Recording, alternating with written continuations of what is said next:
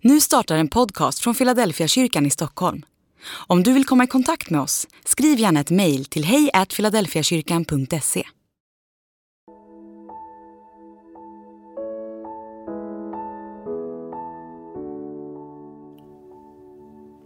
Varmt välkommen att fira gudstjänst tillsammans med oss på Philadelphia online. Nu är vi mitt i sommaren. Eh, det kan betyda lite olika saker för oss. Antingen är du mitt i semester eller så har du återvänt till jobbet. Eh, men oavsett så är det så fantastiskt skönt att på söndagen få slappna av lite grann, lyssna till Guds ord, eh, tillbedjan och lovsång och få göra det tillsammans på det här sättet. Idag ska vi få lyssna till Niklas Benså som kommer att tala om att lyfta blicken. Det ser jag verkligen fram emot. Men innan det så ska vi be tillsammans. Herre Jesus, vi tackar dig för att vi får varva ner lite grann, ta ett djupt andetag och inse att du är Gud. Herre, tack för att vi får på det här sättet bara fira gudstjänst. Vi får, vi får lyssna till vad du har att säga. Vi ber Herre, tala till oss på ett sätt som vi kan uppfatta, så vi kan förstå. Herre, låt oss lite mer efter den här gudstjänsten också inse hur du tänker och vad din vilja är med våra liv. Herre, tack för att dina tankar för oss och med oss, de är alltid fulla, fyllda av framtid och hopp.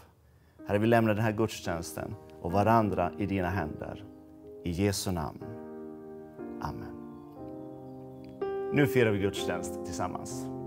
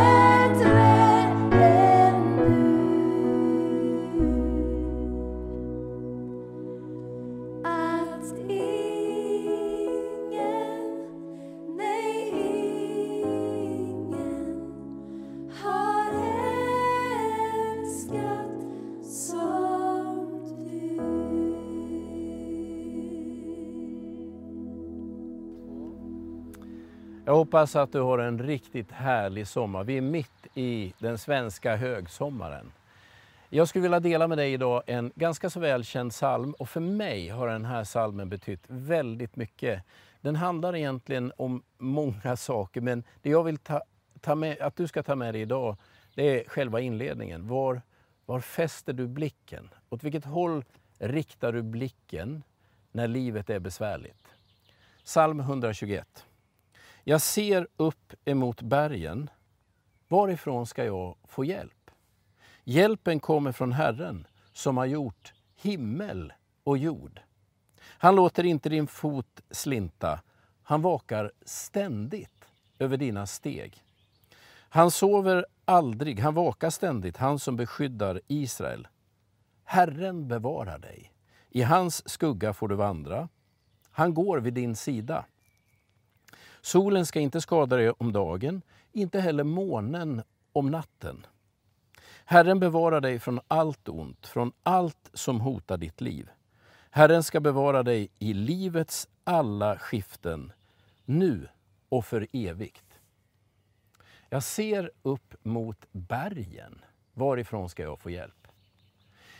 Att titta upp mot bergen det betyder att man lyfter blicken. Och det, det tror jag alla vi förstår att det är liksom inte från bergstoppen Gud kommer utan det är ett bildspråk för att lyfta blicken och egentligen tänka när jag lyfter blicken då söker jag mig mot Gud. Vi vet naturligtvis att Gud inte finns uppe i atmosfären eller ute i rymden. Gud finns överallt hos alla på samma sätt. Men bildspråket vill jag att du ska lyssna till idag och tänka att när vi lyfter blicken upp mot bergen, upp mot himlen, då är det som att vi i någon mening söker Gud, även om vi vet att Gud är runt omkring oss. Men det är det här jag skulle vilja ta med dig i några tankar kring idag.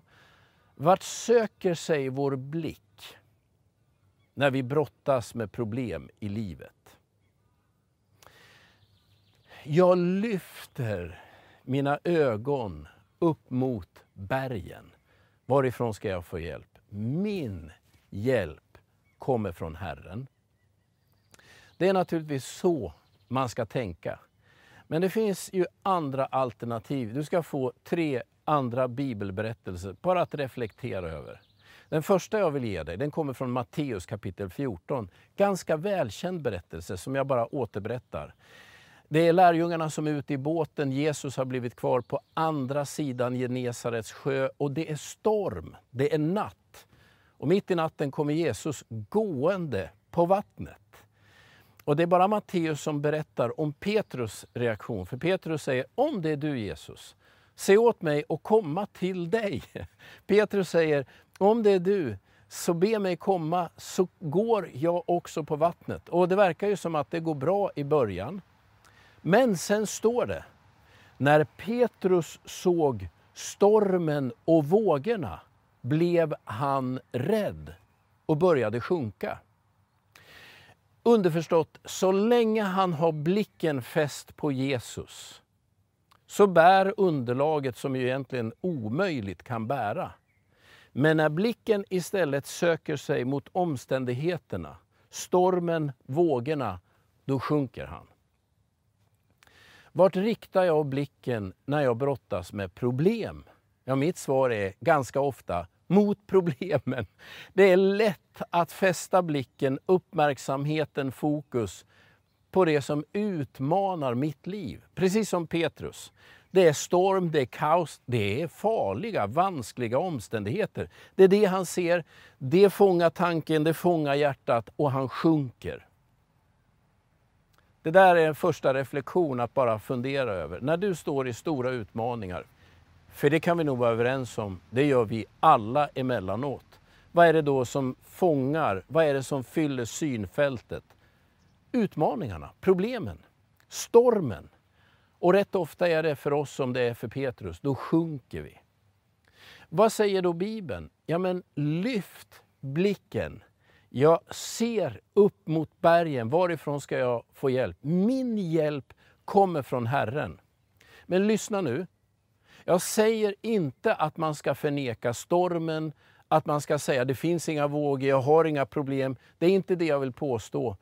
Man ska vara realistisk och säga att detta är utmanande. Just nu pågår stora eh, utmaningar runt omkring mig. Det kan man säga och samtidigt hålla blicken fäst vid Jesus. Den andra bibelberättelsen jag ska ta med dig till, också Matteus kapitel 4, den handlar om när Jesus frestas av djävulen. Han har varit ute i öknen i 40 dagar, han är hungrig. Och så kommer djävulen med tre frestelser. Vid två av de frestelserna så säger djävulen, om du är Guds son, då skulle du säga åt de här stenarna att bli bröd. Vad är det djävulen säger? Ja, men titta på dig själv. Alltså om du verkligen är det här, då borde du ha mer. Tar han med honom upp på tempelmuren och säger, om du är Guds son, då borde du kunna hoppa ner härifrån. Alla människor skulle wowa dig. Och kolla vad han kan. Alltså, vad är det djävulen säger? Titta på dig själv. Det är som att fokus går in emot mig. Vad är utmaningen för Jesus? Ja, men det är brist på resurser. Han är hungrig, det finns inget att äta. Borde inte du ha mer? Jag känner så väl igen det där, det där fokuset om jag vill ha, jag borde ha, jag ska ha. Eller tempelmuren. Ja, men du borde ha en större kändisfaktor. Fler borde förstå vem du är och vad du går för. Du borde ha fler likes, vad det nu är för någonting. Alltså fokus vänder sig rätt ofta in emot oss själva. Inte minst i vår tid, vi är ju individualister. Alltså vi ägnar rätt mycket tid åt jaget. Vad säger Bibeln? Nej, men du ska inte förneka dig själv på det sättet att du upphör att existera. Vi har behov. Vi behöver också bekräftelse från omvärlden. Det är inte förbjudet. Jesus hade inte bröd just där och då, men lite längre fram fick han det. Jesus fick också lärjungar omkring sig och ett erkännande, med rätt sak i rätt tid. Vart ska man rikta blicken när man tycker resurser tryter eller man känner sig ensam och övergiven, ingen ser mig? Lyft blicken. Det är lätt att titta på sig själv. Jag säger inte, lyssna nu, säger inte att du, inte, att du ska förneka dig själv, låtsas som att du inte finns. Det är ju inte möjligt. Men balansera dina egna brister, din egen utmaning med att lyfta blicken till Jesus. Det tredje bibelsammanhanget jag skulle vilja ge dig, det kommer ifrån första Moseboks fjärde kapitel. Och det handlar om Kain. Kain och Abel, två bröder. Den där berättelsen är lite förbryllande, men jag tror att den innehåller några otroligt viktiga nycklar om livet så som alla vi människor ibland upplever det. Det står att Kain och Abel bär fram offer till Gud. Abel bär fram offer ifrån sin jord, alltså sina kreatur. Och Kain bär fram offer ifrån sin, eh, sitt jordbruk. Och så står det att Gud såg till Abels offer, men inte till Kains. Jag vet inte hur de kunde lista ut det där, men min tanke är att det är resultatet. Det verkar som att Gud välsignar Abel, men inte Kain. När jag läser det där så kan jag känna att ja, det där känner jag igen. Kain och Abel har bägge gjort i stort sett samma sak, var och en utifrån sina förutsättningar. Men slutsatsen man drar är att ja, Gud verkar ha ett gott öga till Abel, men inte till Kain. Alltså livet är orättvist, det är ju det Kain känner. Och Gud verkar ligga bakom denna orättvisa. Ingen annan slutsats kan man dra. Nu vill jag säga som pastor att nej, men Gud är inte orättvis, men jag kan fullt ut identifiera mig med Kain. Jag har gjort så gott jag kan Gud. Jag har gjort allt som står i min makt och ändå verkar det som, mänskligt sett, att du har ett, ett gott öga till andra människor, inte till mig. Andra verkar stå före i kön, inte jag. Kan du känna igen det? Jag kan i alla fall känna igen det. Vad händer med Kain då? Jo, men det står att han börjar titta ner. Han sänker sin blick. Och igen, du kanske inte ska ta det bokstavligt att han går och tittar på sina egna fötter. Då går han in i väggen eller faller över stenen. Du ska tolka det där bildligt. Det är som att han tänker, det är ingen idé att förhandla med Gud längre, för han är inte pålitlig, han är orättvis. Så han tittar ner. Och så kommer Gud till Kain och säger, varför sänker du din blick? Bara för att säga någonting mer om den där historien. Är Gud verkligen orättvis? För det verkar ju som att Gud först ser till Abel och inte till Kain. Kain blir ju så besviken att han slår ihjäl sin bror, tänker att han nu ändå tar saken i egna händer. Och så får han ju ett straff av Gud. Men samtidigt som Gud straffar Kain så säger Kain, det här straffet är för tungt, och mig, och för tungt för mig att bära. Så säger Gud, jag ska skydda dig. Det vill säga Kain skulle ha blivit välsignad av Gud. Han blev det till och med efter att han har dödat sin bror. Om Kain bara hade gett sig till tåls så hade hans tur också kommit. Men nu blev han så upptagen av att någon annan fick någonting som han saknade. Besvikelsen var så stor att han tänker, jag stänger Gud ute, börjar titta ner och sen går allting fel. Vad är slutsatsen? Lyft din blick. Om du känner, livet är inte rättvist, andra får större förutsättningar, alltså får, får någonting som jag vill ha, men det verkar inte som att saker kommer min väg. Berättelsen om Kain och Abel säger att om du bara lyfter din blick och ger dig till tåls så kommer Gud också att komma till dig. Kanske inte just den här dagen, men nästa dag. Så vad är lärdomen om de här tre berättelserna? Omständigheter, ibland fyller de hela vårt fokus. Och risken är att vi bara sjunker. Alltså när omständigheterna är utmanande, glöm inte att lyfta din blick. När du tycker att du saknar någonting, du behöver någonting, ja men glöm inte att lyfta din blick. Och när du tycker att livet är orättvist, andra går före dig, det verkar som att Gud välsignar andra, han har glömt dig. Det är lätt att känna så. Jag har gjort det. Jag tror alla människor har gjort det. Då tittar man ner. Bibeln säger, nej, nej, nej. Fortsätt att lyfta din blick. Gud är inte orättvis, men hans tidtabell ser ibland olika ut. Jag vet inte vem du är eller var du befinner dig, men detta är vad jag skulle vilja säga till dig. Om du aldrig någonsin har lyft din blick och sökt efter Jesus, kanske är det det du ska göra. Om du har hittat den här gudstjänsten och tittar på den nu och tänker att jag har utmaningar, ja, det stormar omkring mig, jag vet inte vad jag ska ta vägen eller hur jag ska klara mig. Gör som Petrus, ropa till Jesus. Han kommer dra dig upp igen. Eller om du tänker, jag saknar resurser, Gud verkar ha glömt dig. Det har inte Gud gjort. Om du inte bara tittar på dig själv, lyft din blick till Jesus. Han kommer att ta hand om dig. Om du är besviken och tycker att livet är orättvist. Det är våran erfarenhet ibland, ofrånkomligen.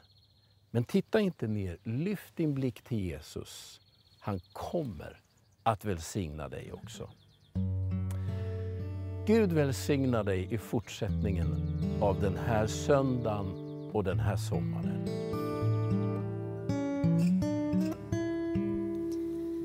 Blå en dag. Ett ögonblick i sänder. Vilken tröst var den som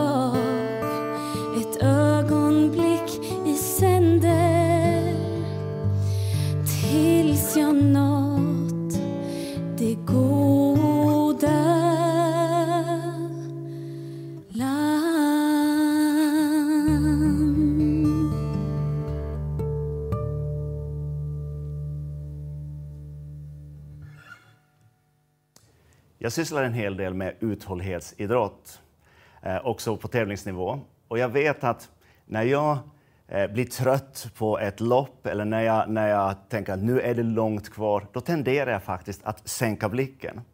När man sänker blicken, då, då faller kroppen lite ihop och då blir det tungt och då går det ganska långsamt. Då har hört Niklas tala om att, att lyfta blicken, att, att eh, se också på någonting annat än sig själv. När jag lyfter blicken, då går det snabbare. Jag är fortfarande i loppet, det är fortfarande tungt, benen är fortfarande trötta och kanske fyllda, fyllda av mjölksyra. Men det är någonting som händer när jag lyfter blicken.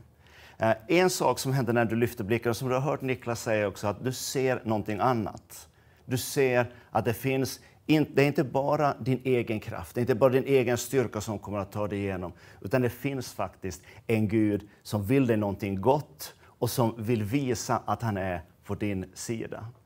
Eh, jag vill be tillsammans med dig, du som kanske känner att du är inte mitt i loppet, men mitt i livet där du finns. Kanske känner att det, det är tungt, det är tufft, eller bara behöver kraft och styrka mitt i din vardag. Jag tror att vi, Gud vill ge dig. I slutet, eh, när vi slutar den här gudstjänsten kommer vi att be Herrens välsignelse.